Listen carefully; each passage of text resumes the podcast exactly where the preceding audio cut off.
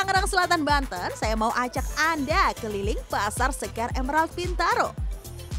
Gak cuma ada sayur mayur di sini, tapi di sini juga ada surga kuliner yang sedang hit sejak awal tahun ini. Uh, Mbak Vena udah pernah ke Italia belum? Belum. Sama aku juga belum pernah, tapi kalau lihat di sini sih ada banyak banget menu pasta yang bahkan juga aku belum pernah tahu dan Vena juga belum pernah tahu ya. Ada scarpignok, ada ravioli dan lain sebagainya. Mau kita isipin tapi nggak perlu jauh-jauh ataupun juga butuh visa untuk pergi ke Italia bisa kok di Bintaro. Yuk kita cobain ya. Permisi. Saya langsung mau cobain hidangan khas Italia. Ah, pasta tapi bentuknya unik-unik banget. Semua pasta dibuat sendiri oleh sang pemilik loh. Isiannya macam-macam. Ada keju, daging ayam, daging sapi, sayur, bahkan lemon. Memang tujuannya lebih untuk uh, memberikan uh, apa namanya opsi affordable pasta gitu ya karena kan sekali lagi ya pasta-pasta kayak gini nih biasanya yang isian seperti ini tuh kan memang karena bikinnya ribet jadi memang sangat pricey dan biasanya ada di high end restoran gitu jadi aku mikir ini uh, hal yang baik juga uh, selain menjadi salah satu apa unique selling propositions dari Pasta Lab tapi pada saat yang sama juga aku pengen memberi edukasi pasta juga lah ke masyarakat bahwa pasta bukan cuma spaghetti loh ya. Pasta yang sudah dipilih direbus terlebih dahulu hingga matang. Pembeli bisa memilih tiga varian saus. Ada saus podomoro alias tomat, saus basil pesto, dan carbonara. Yang cinta keju, boleh loh menambahkan keju parmesan sesuai dengan selera. Hmm, yummy. Saya bareng sama teman-teman kuliah. Belum pernah loh. Mungkin tahu ya, tapi aku nggak tahu namanya. Kan kalau pasta tuh makan-makan aja ya. Gitu sebagai orang daerah Indonesia. Tapi so far enak dan suka enak, juga. enak, enak. Nah sekarang aku mau coba yang ini. Pasta Lab buka sejak pukul 9 pagi. Jangan kesiangan datangnya ya, karena porsinya terbatas. Meski saya dan Vena belum sempat untuk belajar membuat pasta langsung dari awal, pemilik lab tetap mengedukasi setiap pelanggannya tentang sejarah pasta.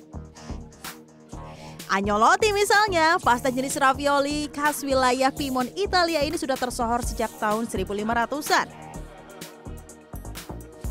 Sementara Scarpino merupakan pasta tradisional khas dari Lombardi, Italia Utara. Hmm, udah nyobain empat macam pasta yang tersaji di sini. Kalau Mbak Vera nih, favoritnya yang mana nih? Dari semuanya aku suka yang aglognoti, isi chicken mushroom.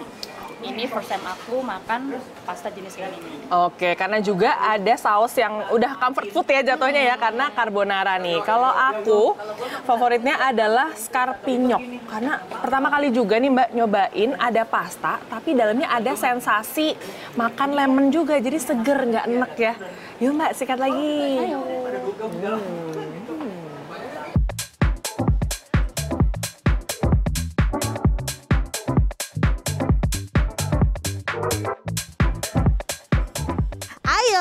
Lagi cari kuliner yang enak-enak. Kita cari camilan yang manis yuk. Ternyata ada Little Amsterdam loh di dalam pasar ini yang menyajikan poverches. Baru ada satu makanan ini nih sejak dibuka Desember lalu. Tapi antriannya, uh, super rame.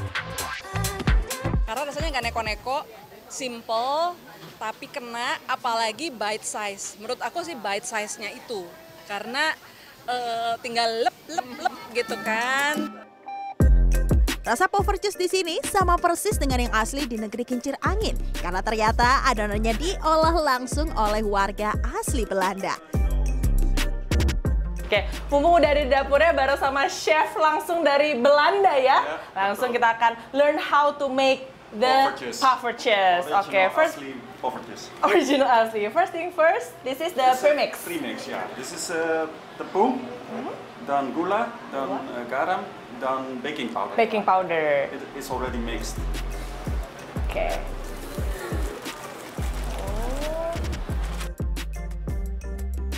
Tinggal di Indonesia sejak pandemi, Raymond dan istrinya membuat dan membesarkan Little Amsterdam melalui poverches.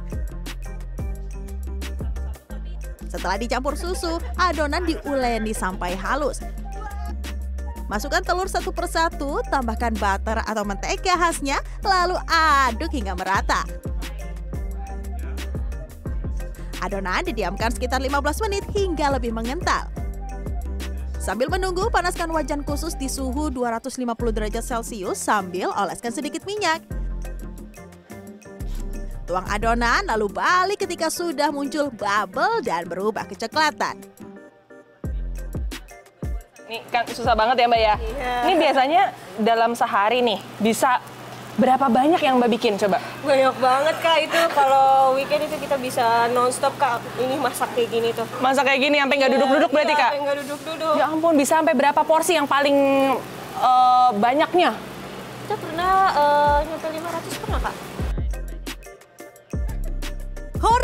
Matang sempurna. Sebelum disajikan, tambahkan gula halus dan butter ya.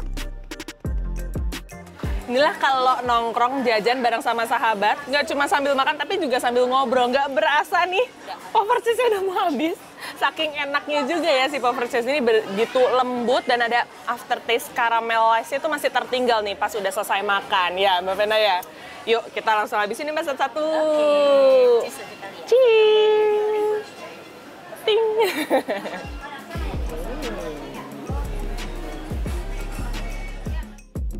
Perut kenyang, hati pun senang. Sampai jumpa di weekend getaway berikutnya ya.